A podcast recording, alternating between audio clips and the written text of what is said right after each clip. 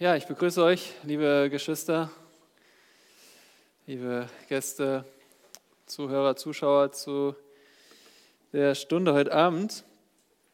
Wir machen weiter mit Freude an der Frucht des Evangeliums.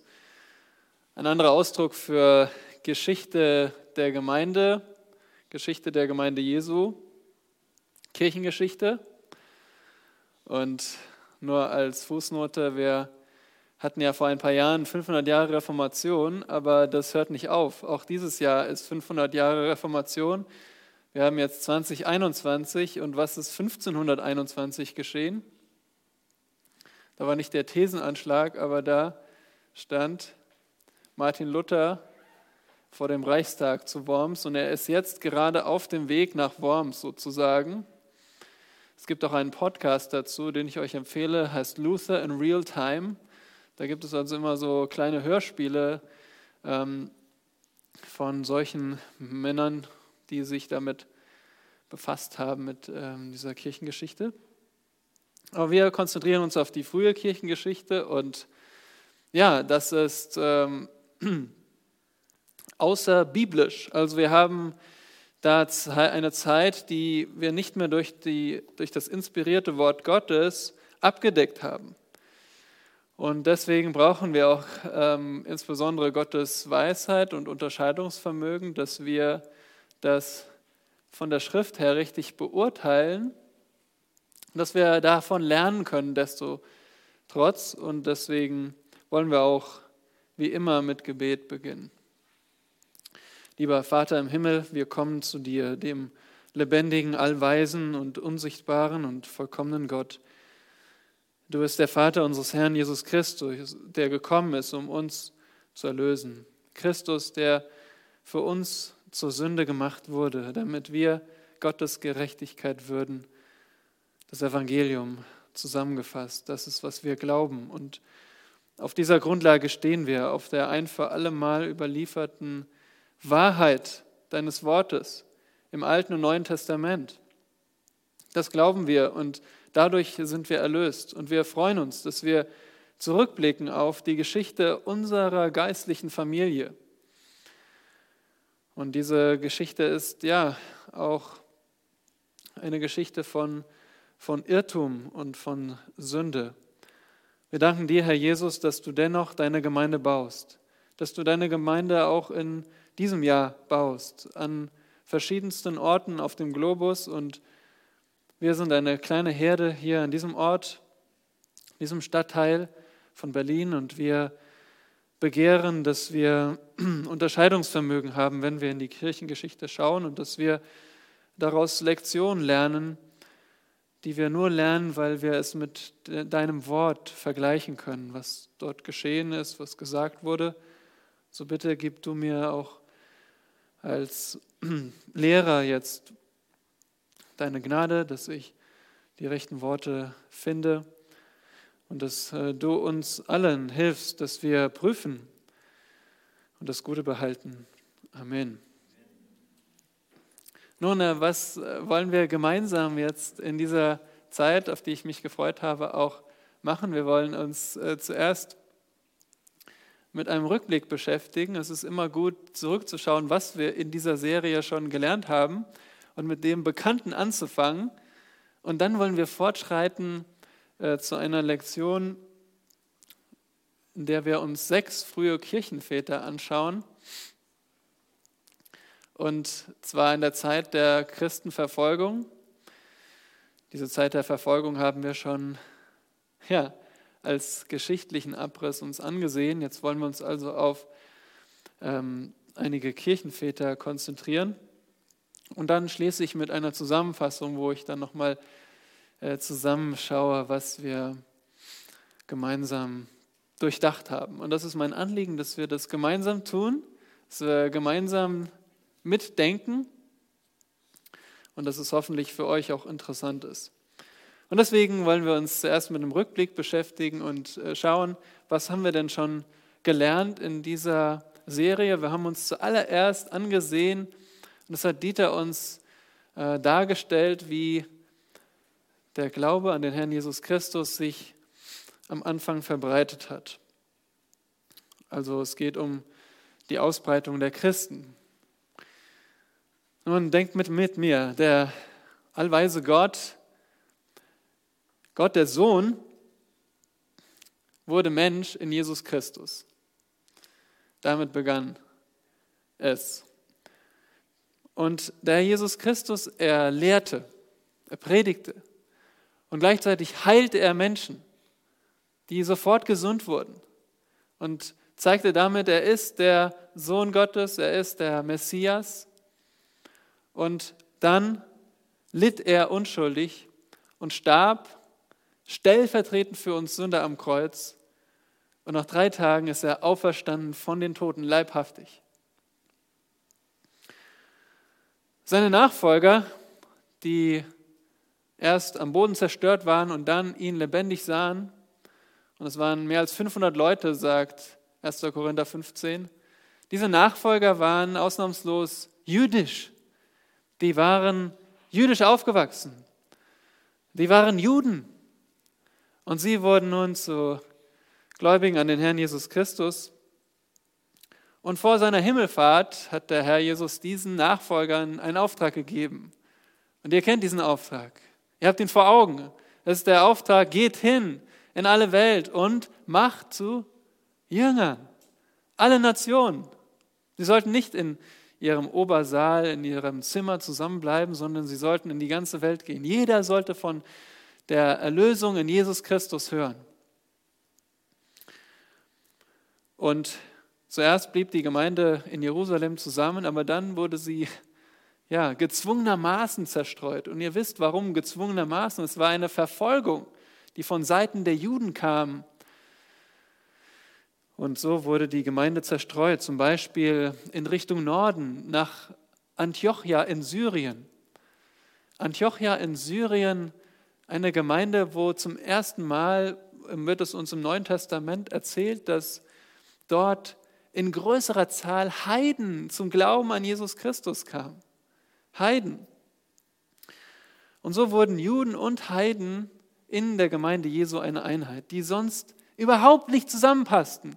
Die Juden, die sich abgesondert haben von den Heiden und die Heiden, die ebenfalls sich von den Juden ferngehalten haben, sie wurden eine Einheit in der Gemeinde Jesu und das sind es immer noch. Und da war es doch Antiochia, diese Gemeinde, die Missionare ausgesandt hat. Zum ersten Mal Paulus wurde ausgesandt. Paulus mit Barnabas. Und so hatte Paulus diesen Auftrag besonders bekommen, zu den Heiden zu gehen und den Heiden das Evangelium zu sagen. Ist alles bekannt für euch, oder? Und ihr erinnert euch auch, warum es so einfach war oder begünstigt war, das Evangelium weiterzugeben in dem römischen Reich. Da hatten wir einmal den römischen Frieden, und wir hatten das ausgebaute Straßennetz. Wir hatten eine Sprache. Welche Sprache war das nochmal? Griechisch, Koine Griechisch, das über das Reich verstanden wurde. Und so gab es aber auch in diesem römischen Reich antichristliche Denkweisen, Philosophien. Die waren genauso verstreut wie die Sprache. Und Außerdem beteten die Römer Götter an, die sie von den Griechen geerbt haben. Und sie beteten aber noch jemand an. Wer war das? Der römische Kaiser. Den Kaiser mussten sie anbeten. Und dann haben wir uns in einem weiteren Teil angeschaut, wie denn die Christen, die jetzt so in dem römischen Reich mehr und mehr verstreut waren, wie sie gelebt haben. Wie lebten die Christen? Nun, erst einmal gründeten sie sich auf das Alte Testament und die Bücher des Neuen Testaments, die sie zu dem Zeitpunkt schon hatten, weil die mussten sich ja auch erstmal, die mussten ja erstmal verbreitet werden. Die kamen ja nicht als Paket. Und so mussten die Christen damals trennen zwischen den wahren Büchern des Neuen Testaments, die wir jetzt auch in unserer Bibel haben, und Fälschungen. Und dabei bekräftigten diese ersten Christen die Lehre der Apostel. Und wen meinen wir mit den Aposteln? Nun, die Jünger Jesu, die dann zu Ausgesandten wurden des Herrn. Männer wie Matthäus, wie Johannes. Und so feierten sie Gottesdienst, wie wir, wir haben das gesehen, sehr ähnlich. Sie verkündeten das Evangelium. Aber sie entwickelten in dieser Zeit auch eine Überzeugung, die, der Schrift, die wir in der Schrift nicht so finden, nämlich sie hatten äh, Gemeindeleiter und nach dem Neuen Testament äh, heißen sie zum Beispiel Älteste, aber auch, was ist ein anderer Begriff für Älteste noch? Ja, Aufseher, Aufseher. Das griechische Wort Episkopos, davon kommt das Wort Bischof. Und ein drittes Wort noch, Älteste sind nicht nur Aufseher, sondern auch Hirten, ja, Hirtenlehrer. Das ist alles derselbe, derselbe Aufgabe. Also dieselbe Person, die das macht. Aber in dieser Zeit, in dieser ersten Zeit, entwickelten sie die Überzeugung, dass ein Bischof über den Ältesten steht. Also äh, zunehmend gab es dann Gemeinden, die hatten einen Bischof und das war sozusagen der oberste Leiter und die anderen Leiter waren die Ältesten. Die standen unter dem Bischof. Das müssen wir uns jetzt merken für die heutige Lektion. Außerdem lebten die Christen nach Gottes moralischem Standard und sie setzen sich in Liebe für die Mitmenschen ein. Auch in Zeiten der Krankheit, so wie wir es heute erleben, haben die Christen sich eingesetzt, als es Pest gab und andere Krankheiten. Aber sie grenzen sich von der heidnischen Religion ab und sie gehorchten Jesus Christus als höchsten König und beteten nicht die ganzen Götter an. Und deswegen waren sie immer mehr abgegrenzt von der Gesellschaft um sie herum. Und das führte dann zu der Verfolgung der Christen. Die Christen wurden verfolgt, weil sie auf dem Grund der Wahrheit standen. Sie wurden für Wahrheit verfolgt. Denn weil sie diese Wahrheit glaubten, deswegen haben sie auch Christus als höchsten König verehrt. In der Gesellschaft sah man die Christen erst mehr so als eigentümlich an, die sind so ein bisschen komisch, und dann äh, schlug das um in, die Christen sind verachtungswürdig und schließlich waren sie der universelle Sündenbock. Und als erster Kaiser sprang Nero auf diese antichristliche Haltung auf, die schon da war. Und so wurden die Christen 64 nach Rom, nach dem Brand, verfolgt. Und ihr wisst, ähm, danach folgten weitere Wellen der Verfolgung. Es war also nicht durchgehend Verfolgung, sondern es kam so in Wellen. Wellen ausgelöst von einem Kaiser. Und das waren zuerst eher so lokale Verfolgungen. Also der Kaiser hat zum Beispiel ein Gesetz erlassen, dass Christen Verbrecher waren und dass es illegal war, Christ zu sein. Und so wurden dann die Christen je nach Stimmung an einem bestimmten Ort dann lokal verfolgt. Das, das ähm, ging dann aber dazu über, dass irgendwann die Christen auch reichsweit systematisch verfolgt wurden. Und das war so im dritten Jahrhundert der Fall. Es war also für 200 Jahre ein Verbrechen, Christ zu sein, und die Maßnahmen zielten darauf ab, dass man den Christ zur Aufgabe seines Glaubens bringt. Also sie wollten nicht einfach die Christen auslöschen, sondern sie wollten sie dazu bringen, dass sie ihren Glauben absagen. Zum Beispiel, indem man ihnen den Besitz weggenommen hat oder die Versammlung untersagt hat oder indem man Bücher verbrannt hat, sie gefangen nahm, gefoltert hat und schließlich hingerichtet hat. Und wir erinnern uns, ihr erinnert euch, wenn ihr ähm, mit dabei wart, 250 nach Christus gab es einen Kaiser, der hieß Decius. Decius. Und bei seiner Verfolgung mussten alle Menschen vor den Göttern und vor dem Kaiser opfern. Und wenn sie das gemacht haben, dann bekamen sie eine, eine Bescheinigung. Dieserjenige hat geopfert. Und damit waren sie aus dem Schneider. Und zu dieser Zeit gab es dann auch, ähm, so lesen wir in Geschichtsbüchern, viele, die dahingegangen sind und lieber sich so eine Bescheinigung geholt haben, als für ihren Glauben ähm, gerade zu stehen. Aber die Kaiser haben immer wieder diesen Zwang zum Opfern genutzt. Das war für euch jetzt hoffentlich bekannt und das hilft uns jetzt, uns auf diese sechs Kirchenväter zu konzentrieren. Sechs Kirchenväter in der Zeit der Verfolgung.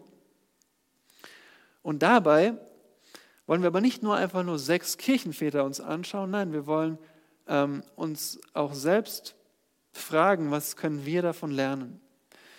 Und ich habe diese sechs Kirchenväter in den letzten Tagen ähm, intensiver studiert. Nicht, was sie tatsächlich geschrieben haben. Diese Zeit hatte ich nicht. Und das wäre auch so, ja, der Ansporn für uns, für euch. Wenn ihr möchtet, könnt ihr euch auch die tatsächlichen Schriften dieser Kirchenväter mal ansehen, lesen. Das habe ich nicht getan. Ich habe in Geschichtsbüchern über diese Kirchenväter gelesen. Aber was mir da aufgefallen ist bei dem Studium, ist, dass wir die heutige Lektion auf zwei Fragen konzentrieren können, die uns auch betreffen. Diese zwei Fragen, die wir uns stellen, lauten, wie bewahrt man Wahrheit vor Irrlehre? Wie bewahrt man Wahrheit vor Irrlehre? Haben wir heutzutage Irrlehre? Ja, sehr relevant. Eine zweite Frage, wie bezeugt man Christus vor der Welt? Wie bezeugt man Christus vor der Welt? Gibt es einen Unterschied zwischen Christus und der heutigen Welt? Sehr wohl. Und deswegen sind wir herausgefordert. Und ähm, das ist mein Anliegen, dass wir davon etwas lernen. Also sechs Kirchenväter und diese kommen in Zweierpacks. In Zweierpacks. Hier eine Karte aus ähm, der Holman Bible. Und da seht ihr meinen Versuch, das so grafisch darzustellen. Wir haben also drei verschiedene Orte und immer und drei verschiedene Zweierpacks der Kirchenväter. Wir haben einmal, ähm, ich weiß nicht, ob das hier funktioniert, ich kann es auch einfach so sagen, wir haben einfach äh, diesen grünen Kreis, das ist Kleinasien, das ist, soll die Stadt Smyrna sein. Und dort in Kleinasien, da gab es den Kirchenvater Polycarp. Und dieser Polycarp hat den Kirchenvater Irenäus gelehrt und damit beeinflusst. Und unten seht ihr einen Zeitstrahl von etwa 50 bis 250 nach Christus und so seht ihr auch ungefähr die zeitliche Verteilung. Dann schauen wir uns, gehen wir nach Nordafrika, dort ähm, der blaue Kreis, das ist die antike Stadt Karthago. Und jetzt muss ich kurz in meinen Notizen nachschauen, dann kann ich euch das ähm, mit Sicherheit sagen. So, Karthago, das ist das heutige Tunesien, ja. Und da haben wir die Kirchenväter Tertullian und der wiederum hat den Cyprian beeinflusst. Und dann haben wir noch, noch ein Paket und das ist, da gehen wir nach Alexandrien. Und ihr fragt euch, warum Karthago, warum Alexandrien? Nun, Karthago und Alexandrien waren die nächstgrößeren Städte nach Rom. Also Rom, die größte Stadt im Reich, würde man erwarten, und dann Alexandria, und Karthago die nächstgrößeren Städte. Und da sehen wir Clemens von Alexandria und Origenes, sein Schüler sozusagen. Und bei diesen Kirchenvätern wollen wir uns dann fragen, wie bewahrt man Wahrheit vor Irrlehre und wie bezeugt man Christus vor der Welt? Also zunächst Polycarp und Irenäus. Und im Folgenden gibt es jetzt nicht viel Text, hier an der Wand, sondern das, was ich euch versuche zusammenzufassen von dem, was ich gelesen habe. Also Polycarp, wie gesagt, Polycarp von Smyrna, er war Bischof von Smyrna und jetzt wisst ihr, okay, also der war dann so äh, der, der Oberste in der Gemeinde nach damaligem Verständnis. Und der, wir wissen nicht viel über ihn, er war aber ein Jünger des Apostels Johannes. Er kannte den Apostel Johannes. Er hat von ihm gelernt. Der Johannes hat ja am längsten gelebt von den Aposteln. Bis etwa 95 nach Christus hat er die Offenbarung geschrieben. Und Polycarp wurde um 70 herum geboren, überschnitt sich also einige Jahrzehnte. Und von ihm haben wir zum Beispiel einen Brief an die Philipper, wo er vor Irrlehre warnt bezüglich Jesus Christus. Und wir haben ein Zeugnis, dass er als Märtyrer starb mit 86 Jahren. Und das war es auch schon zu Polycarp. Kommen wir jetzt zu Irenäus. Irenäus von Lyon. Nun, er kam aber nicht ursprünglich von Lyon, sondern wurde auch in Smyrna geboren, dort in Kleinasien. Und er war aus einer christlichen Familie, ja, ähm, wie manche von euch auch. Er ist aufgewachsen in einer christlichen Familie und bekehrte sich schon jung und war als junger Mensch jetzt unter dem Einfluss von dem Apostel Johannes. Was für ein toller Start ins Leben. Er war gebildet in griechischer Philosophie, aber er kannte auch das Alte Testament und er erwähnt fast alle Bücher des Neuen Testaments in seinen Schriften. Und erinnert euch, warum nicht alle? Naja, das war recht früh und die Bücher mussten erstmal auch äh, zirkulieren, mussten erstmal kopiert werden und weitergegeben werden. Die hatten nicht auf einmal schon das ganze Neue Testament für sich zugänglich. Und was ihn auszeichnet, diesen Irenäus, ist, dass er von der Schrift her argumentiert. Er sagt, es steht geschrieben hier in der Schrift. Er argumentiert von der Schrift her. Warum heißt er Irenäus von Lyon? Nun, später diente er in Lyon, in Gallien, nun heutige Frankreich.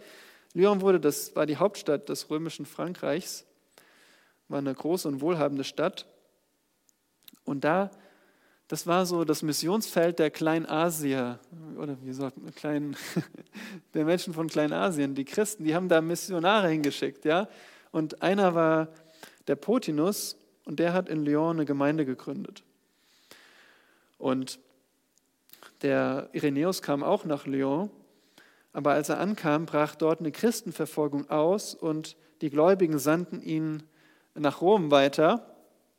Und so war er nicht da, als der Potinus, der Gemeindegründer, getötet wurde. Und als er Irenäus wieder zurückkam nach Lyon, dann wurde er dort der Gemeindeleiter und er hatte einen richtig evangelistischen Eifer. Er lernte die keltische Sprache, um das Evangelium den Menschen dort zu verkünden.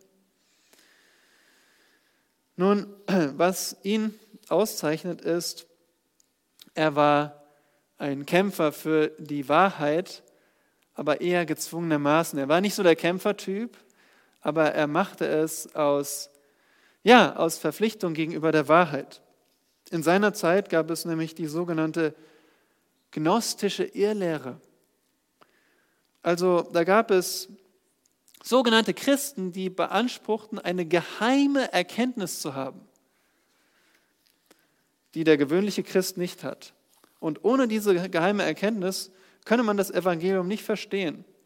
Und sie sagten, diese geheime Erkenntnis, die hat der Herr Jesus seinen Aposteln weitergegeben und die Aposteln haben es an die gnostischen Lehrer weitergegeben. Also sie sagten nicht, wir haben hier irgendwas Antichristliches, nein, wir haben eine geheime christliche Erkenntnis.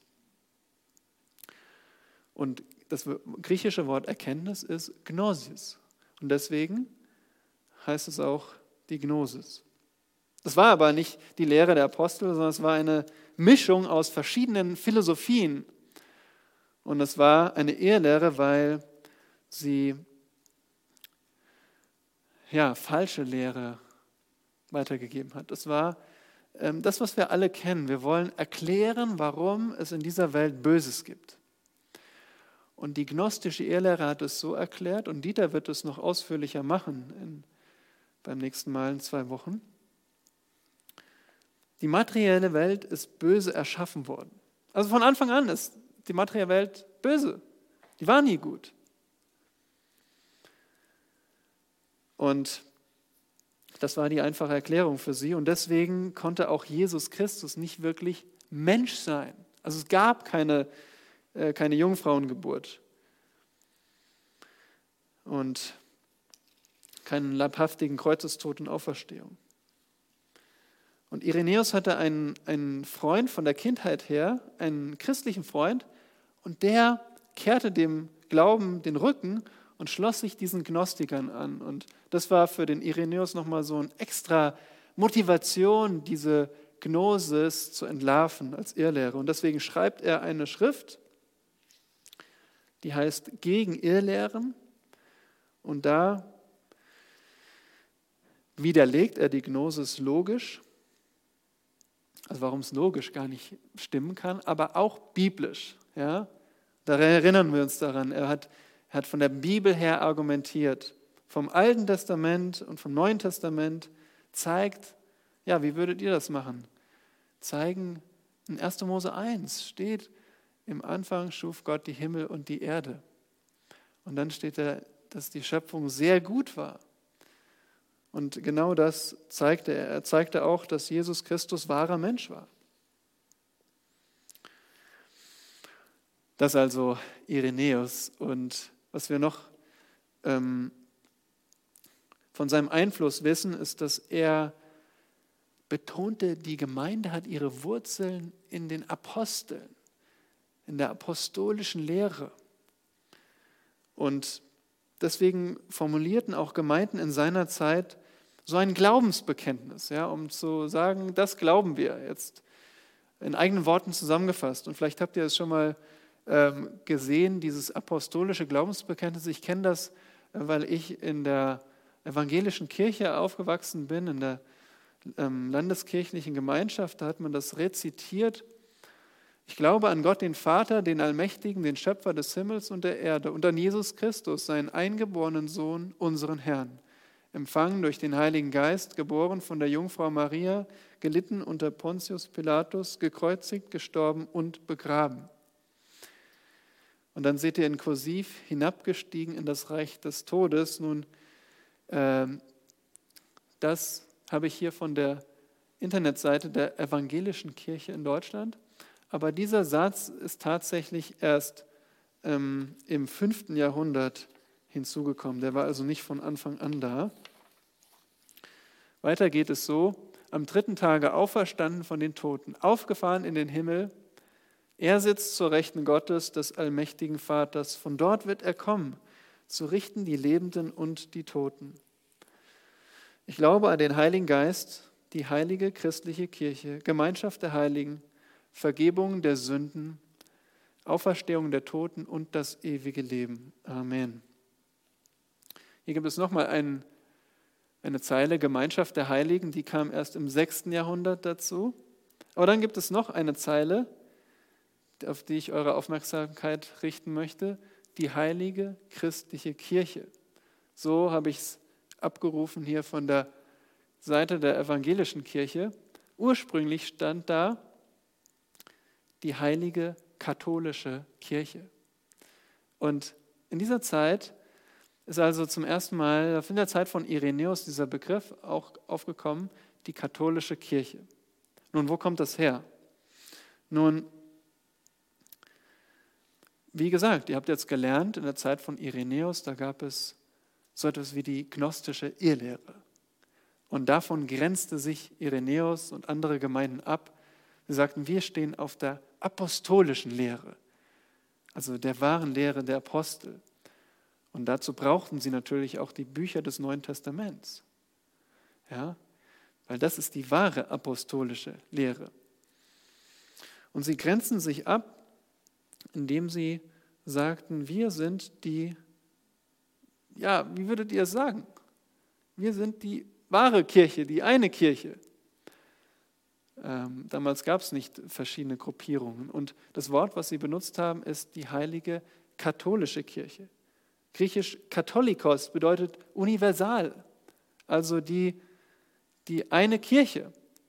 Verwechselt das bitte nicht mit römisch-katholisch, das kam erst später. In dem Moment war katholische Kirche etwas Gutes. Es war die Kirche, die Gemeinden, die sich auf die Apostel berufen haben. Und das war auch dem Irenäus wichtig, sich darauf zu beziehen. und die Gemeinden zu betonen, die diesen apostolischen Einfluss hatten, wie zum Beispiel von Johannes über Polycarp zu Irenäus. Also, wir können uns jetzt mal kurz fragen, wie bewahrt man Wahrheit vor Irrlehre? Was lernen wir von Polycarp und Irenäus? Und was kannten sie? Kannten die Schrift, kannten das Alte Testament, sie kannten das Neue Testament, die apostolische Lehre, also ein Neues Testament in Klammern, weil sie kannten die apostolischen Schriften und sie haben mit der Schrift argumentiert. Und wir sehen, sie haben formuliert, was sie glaubten. Sie haben nicht nur gesagt, hier steht's, sondern sie haben es ausformuliert, was sie glaubten. Eine zweite Frage, die ihr vielleicht euch auch schon gestellt habt, in dieser Zeit, wo wir uns die Kirchenväter angeschaut haben, wie bezeugt man Christus vor der Welt? Was habt ihr gelernt? Nun, ich denke daran an Irenäus, wie er das Evangelium gepredigt hat, sogar die Sprache gelernt hat. Also das Evangelium predigen, das ist Christus bezeugen vor der Welt, oder? Und dann auch eine Einheit demonstrieren vor der Welt. Zu sagen, wir sind nicht nur hier irgendeine Gemeinde, wir sind hier die spezielle Gemeinde und das ist die spezielle Gemeinde. Nein, wir gehören zusammen, weil wir das glauben, was die Apostel gelehrt haben. Und es bedeutet auch, Christus zu vertrauen, wenn Strafe droht. Denn Polycarp, der ist willig auch in den Tod gegangen für den Herrn Jesus.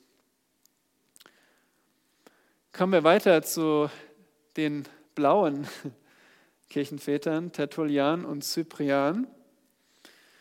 Wie gesagt, in dieser Zeit, seit mindestens 180 vor Christus, gab es, nein, das ist ein Druckfehler, seit mindestens 180 nach Christus gab es Christen in Nordwestafrika.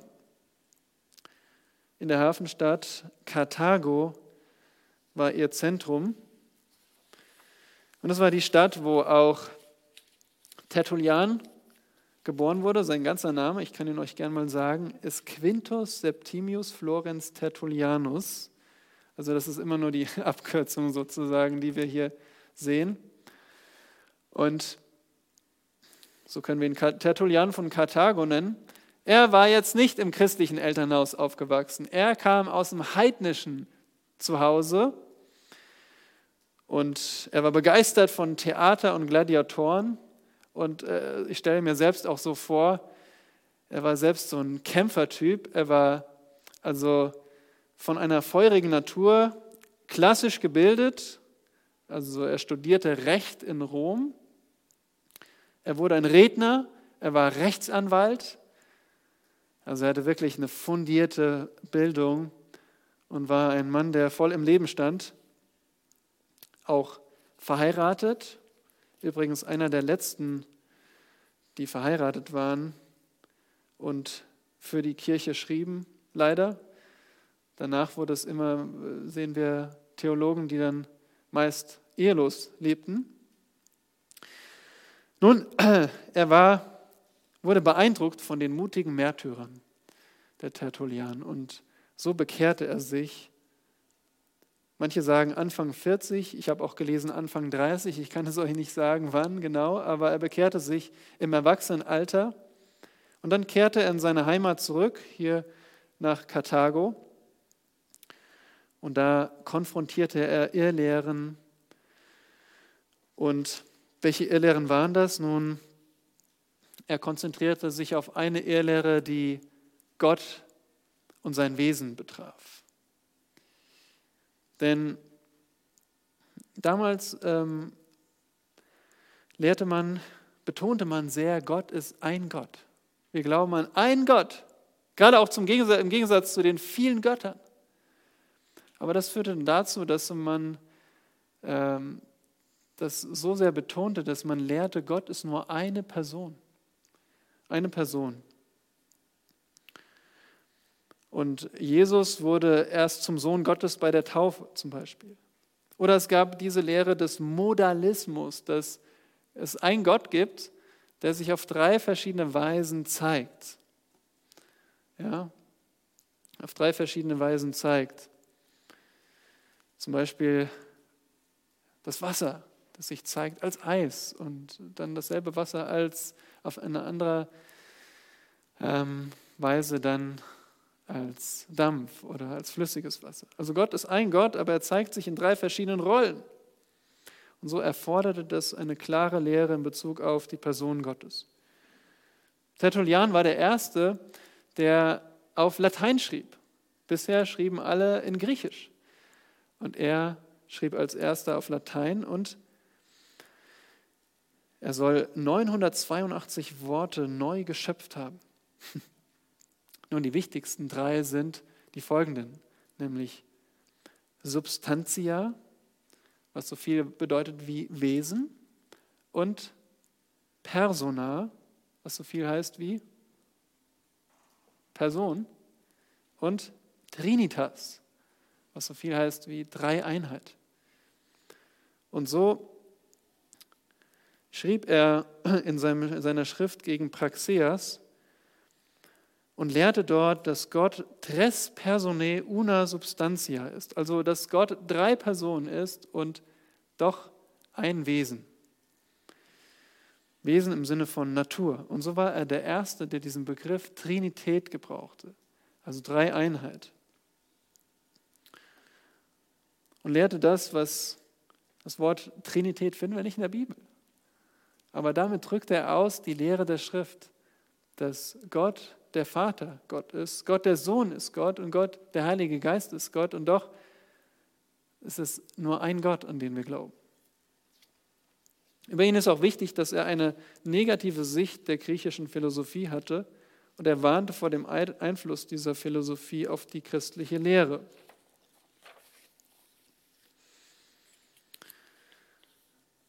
Und doch muss man sagen, dass auch Tertullian von griechischer Philosophie beeinflusst war. Zum Beispiel lehrte er, dass die Seele von Natur aus gut ist und dass Gottes Sohn nicht ewig eine unterscheidbare Person ist, sondern dass er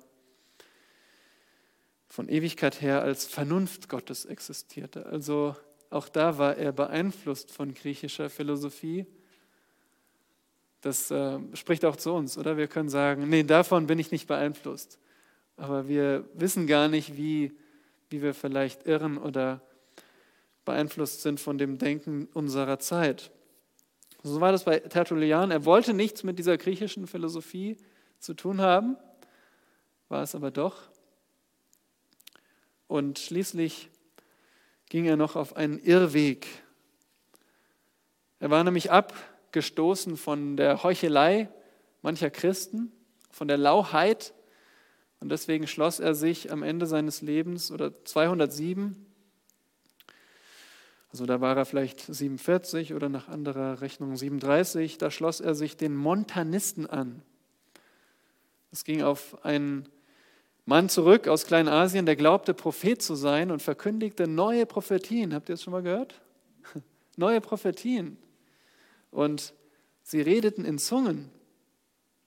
Und es soll unter ihnen Visionen und Träume gegeben haben.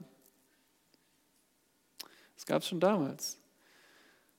Aber was sie noch unterschied, war, sie lebten ein sehr isoliertes Leben von der Welt.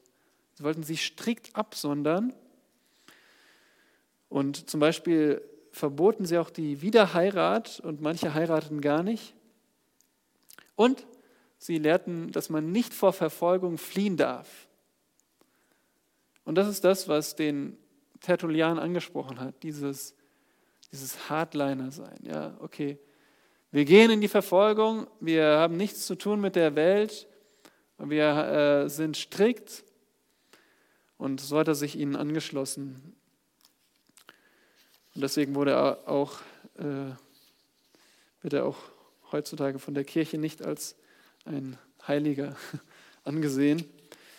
Ähm, sein, ja, sein Schüler sozusagen war der Cyprian, der ist eigentlich wie ein Spiegelbild. Er war auch aus dem heidnischen Elternhaus, er war auch Redner und Jurist.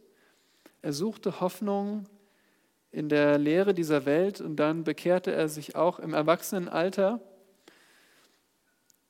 Er lässt sich taufen, er verschenkt sein Vermögen freigebig und dann studiert er die Schrift und Tertullian. Also er, er studierte die, die Heilige Schrift und die Schriften von Tertullian. Das hat ihn sehr beeinflusst. Und so wird er Bischof von Karthago. Zwei Jahre nachdem er Bischof wird, bricht die Verfolgung aus. Die Verfolgung von Decius. Ja? Könnt ihr das mit etwas verknüpfen? Decius, diese alle müssen opfern, Verfolgung. Nun, was macht ähm, Cyprian? Cyprian, der floh und versteckte sich und er leitete die Gemeinde mehr als ein Jahr aus seinem Versteck heraus, mit Briefen und so. Und dazu gab es dann natürlich auch unterschiedliche Meinungen. Manche haben ihn kritisiert, manche bestärkt.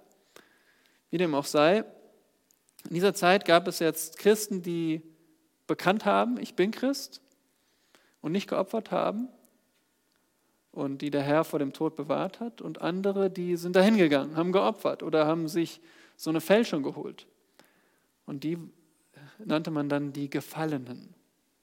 Einmal die Bekenner und die Gefallenen. Und die Frage war jetzt für Cyprian, aus seinem Versteck heraus oder als er wieder sein Versteck verließ, nach 15 Monaten. Die Frage war, was macht man jetzt mit diesen Gefallenen, die wieder zurück zur Gemeinde dazugehören wollen? Können die das? Oder unter welcher Voraussetzung können die das? Und das war seine Herausforderung. Er war der Überzeugung, ja, diese Gefallenen können wieder zurück in die Gemeinde, aber sie müssen eine Zeit der Buße durchleben oder ihre Buße unter Beweis stellen. Aber da, genau diese Sicht ähm, führte dann zu einer Spaltung, weil da gab es nämlich solche, die gesagt haben, das ist zu strikt. Die, die dürfen sofort wieder in die Gemeinde. Und dann gab es andere, die gesagt haben, das ist zu lasch. Die dürfen nie mehr zurück in die Gemeinde. Und so gab es also Konkurrenzgemeinden in Karthago.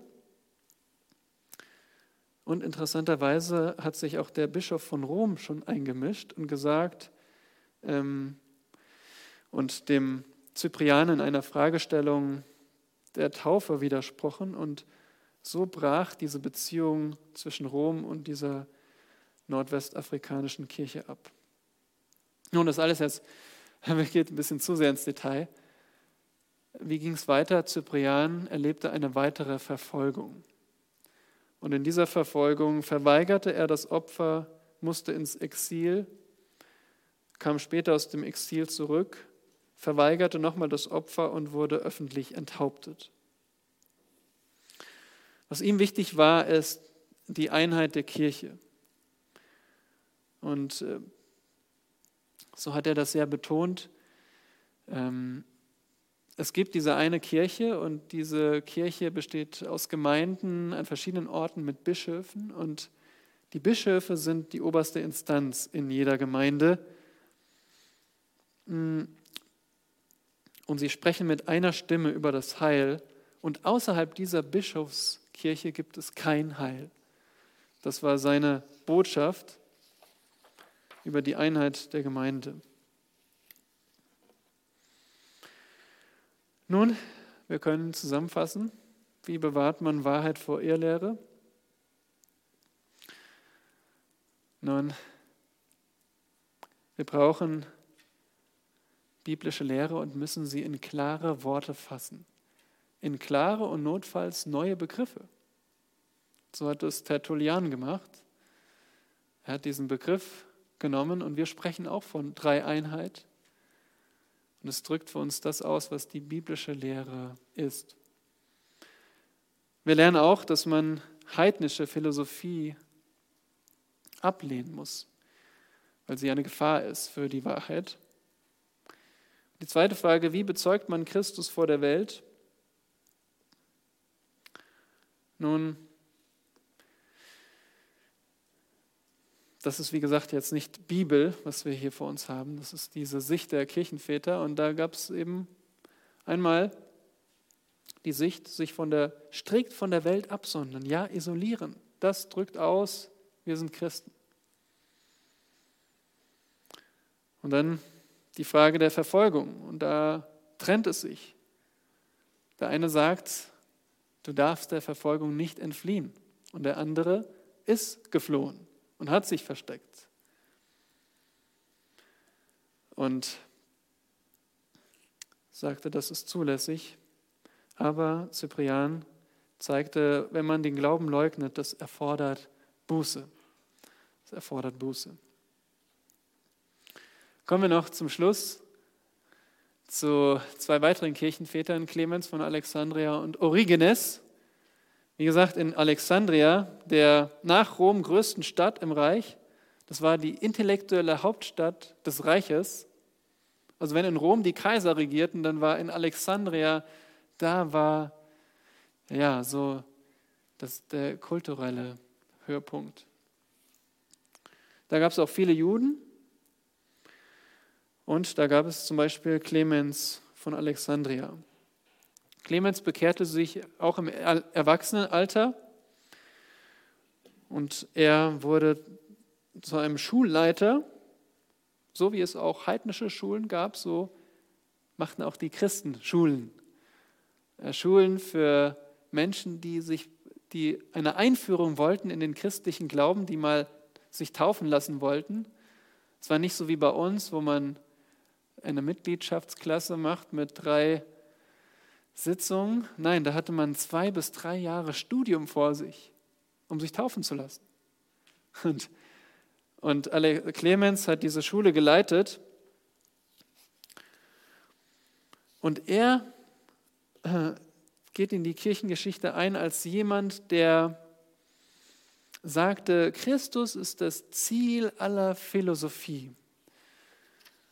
Und in seinem Buch Teppiche, ja, so heißt es, Teppiche, also weil das Buch wie ein Teppich ist, zusammengewoben aus verschiedenen Lehren, da schrieb er, dass das ideale Christenleben so aussieht. Unglaube, Glaube, Erkenntnis. Unglaube, Glaube, Erkenntnis. Also der Glaube ist nur so der, der Anfang, um fortzuschreiten in der Erkenntnis. An sich jetzt nichts Schlechtes, weil wir sollen ja in der Erkenntnis Jesu Christi wachsen. Aber was das für ihn bedeutete, war, er hatte eine positive Haltung zu griechischer Philosophie und sah eine Einheit zwischen der griechischen Welt und dem Christentum. Also kein Bruch zwischen dem Evangelium und dem, der Philosophie, sondern eine Einheit. Und er sagte sogar, diese Philosophie ist eine Vorschule für den Glauben an Jesus. Das heißt, das ist, wenn jemand wirklich griechischer Philosoph, Philosoph war, dann hat es ihn schon vorbereitet für den Glauben an Jesus. Das war seine These. Und diese These hat dann auch sein Schüler Origenes übernommen. Der wuchs in christlichem Elternhaus auf. Er war sehr begabt und hungrig nach Lernen. Und er besucht diese Schule, wo Clemens unterrichtet. Ähm, als Teenager wollte Origenes sogar als Märtyrer sterben. Sein Vater wird nämlich als Märtyrer hingerichtet und Origenes will bei ihm sein. Und wisst ihr, wie seine Mutter das verhindert hat? Sie hat einfach seine Kleider versteckt. Und weil Origenes nicht nackt auf die Straße wollte, das hat ihn abgehalten, als Märtyrer zu sterben. Nun, Origenes war in manchen Dingen einfach sehr ähm, extrem. Und mit 17 Jahren wurde er schon zum Leiter dieser Schule ernannt, dieser christlichen Schule, und konzentriert sich auf die christliche Lehre. Er lebte sehr asketisch, er schlief, schlief nur auf dem Boden. Und obwohl er selbst nicht als Märtyrer starb, begleitete er viele seiner Schüler ins Martyrium. Also die wurden für ihren Glauben hingerichtet. Dann später reiste er rum und gegen den Willen des Bischofs von Alexandria wurde er in Caesarea in Israel zum Ältesten ordiniert und lehrte dort weiter und betreute eine Gemeinde. Ja, und er hat eben viele Schriften verfasst. Zum Beispiel hat er sich 30 Jahre damit beschäftigt, das Alte Testament in Hebräisch und fünf griechische Übersetzungen nebeneinander darzustellen. Er hat Kommentare geschrieben über, ich denke, ich habe gelesen, fast jedes Buch der Bibel. Er hat gepredigt, er hat eine erste systematische Theologie geschrieben und den Glauben verteidigt. Und zwar den Glauben an Jesus Christus. Aber er bekannte zwar die Autorität der Schrift, hat gesagt, die Bibel ist die Autorität, aber seine Auslegung war von der griechischen Philosophie geprägt. Er war geprägt von Plato. Plato sagte, die sichtbare Welt, das ist nicht die eigentliche Realität sondern hinter der sichtbaren Welt steht eine unsichtbare Welt. Und das, was wir hier erleben, ist eigentlich nur die Kopie oder der Schatten von dem eigentlichen, der eigentlichen geistlichen Welt. Und deswegen am besten wir dringen zu dieser geistlichen Welt vorwärts vor. Und so sah auch der Origenes in der Schrift drei Ebenen der Bedeutung. Der niedrigste Sinn war der wörtliche Sinn. Der moralische Sinn war schon höher, also, und dann der höchste war der geistliche Sinn. Er sagt, das ist wie mit dem Körper, Seele und Geist. Geist ist das höchste, der tiefere Sinn. Ein Beispiel. Drei Männer bereiten ein Essen, um ihre Kinder zu ernähren, könnte ich sagen. Der wörtliche Sinn wäre, drei Männer, die machen ein Essen für ihre Kinder, damit sie was zu essen haben.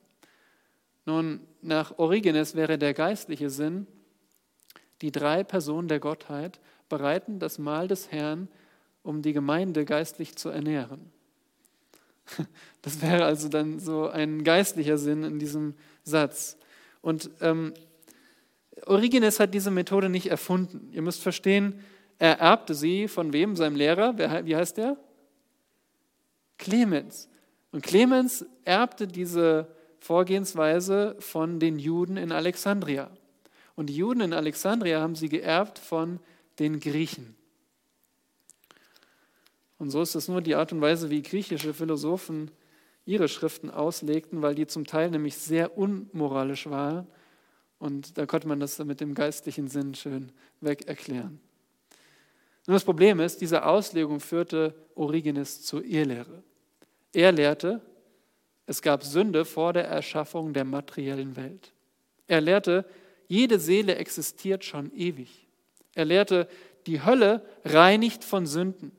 Er lehrte, zuletzt werden alle sündigen Menschen und gefallenen Engel errettet, auch der Satan. Er lehrte, die Auferstehung geschieht nur geistlich, nicht leiblich.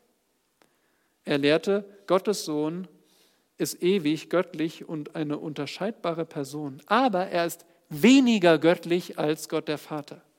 Also wenn Gott der Vater 100% Gott ist, ist der Sohn maximal vielleicht 99% Gott. Er lehrte, der Heilige Geist wurde vom Sohn erschaffen. Nun, wie kommt man dahin? Er presste das Evangelium der Schrift in die Form der griechischen Philosophie. Und dadurch stieg vielleicht das Ansehen des Christentums in der griechischen Welt und vielleicht interessierte es mehr Leute. Aber der Preis war, die wahre Lehre aufzugeben oder zu, zu verdrehen.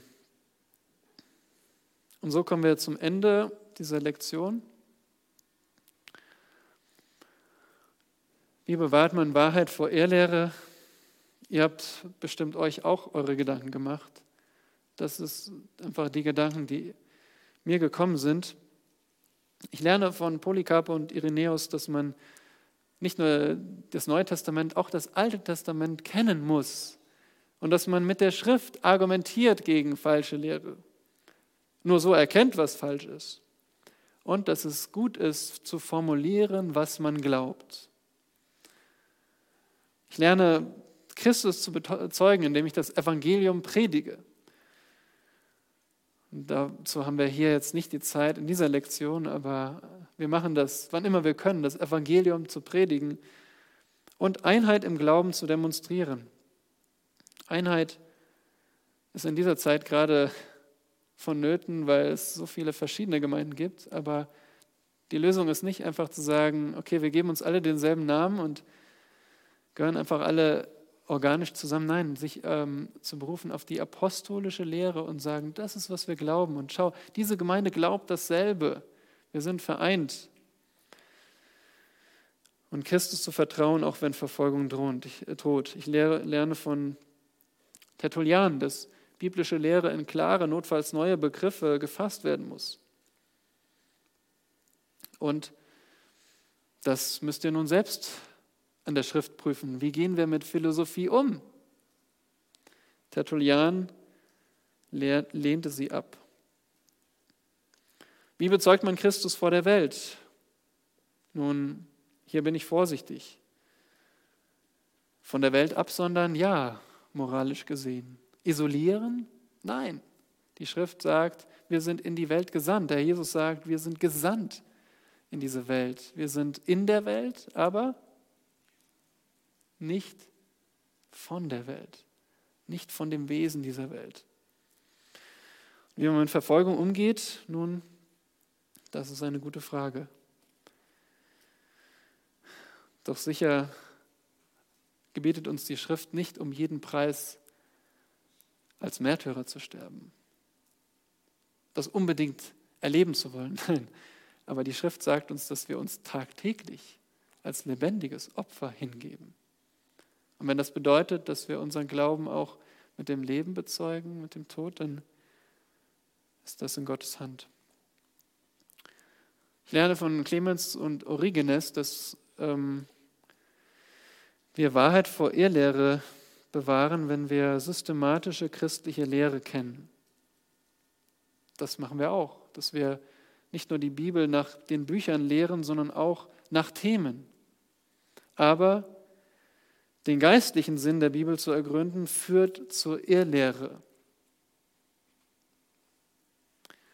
Ich lerne von Ihnen, wie man Christus vor der Welt bezeugt oder nicht. Nun, Clemens argumentierte für einen einfachen Lebensstil, weder Luxus noch völlige Armut. Und ja, der Herr hat uns unterschiedlich viel anvertraut. Wir teilen das, wir helfen einander. Niemand soll unter uns in Armut sein, aber wir brauchen nicht unseren Körper asketisch zu versklaven, außer wir denken, dass Materie an sich böse ist, wie Origenes durch Plato, platonische Philosophie beeinflusst war. Und Christus mit heidnischer Philosophie zu vereinen, das führt zur Schwächung des Zeugnisses, nicht zur Stärkung. Und so sagt Paulus auch in Kolosser 2, Vers 8. Er hatte auch schon über die Philosophie geschrieben. Habt Acht, dass euch niemand beraubt durch die Philosophie und leeren Betrug gemäß der Überlieferung der Menschen, gemäß den Grundsätzen der Welt und nicht Christus gemäß. Lasst uns alles prüfen anhand des Wortes Gottes und den biblischen, den Herrn Jesus Christus vor der Welt bezeugen.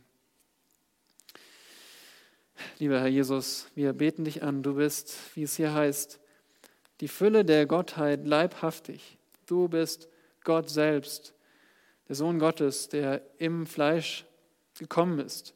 Warst wahrer Mensch und wahrer Gott zugleich. Und in dir sind wir zur Fülle gebracht. Wir brauchen keine andere Erkenntnis oder Philosophie. Wir sind in dir zur Fülle gebracht. Du bist das Haupt jeder Herrschaft und Gewalt. Und darum preisen wir deinen heiligen Namen allein. Amen.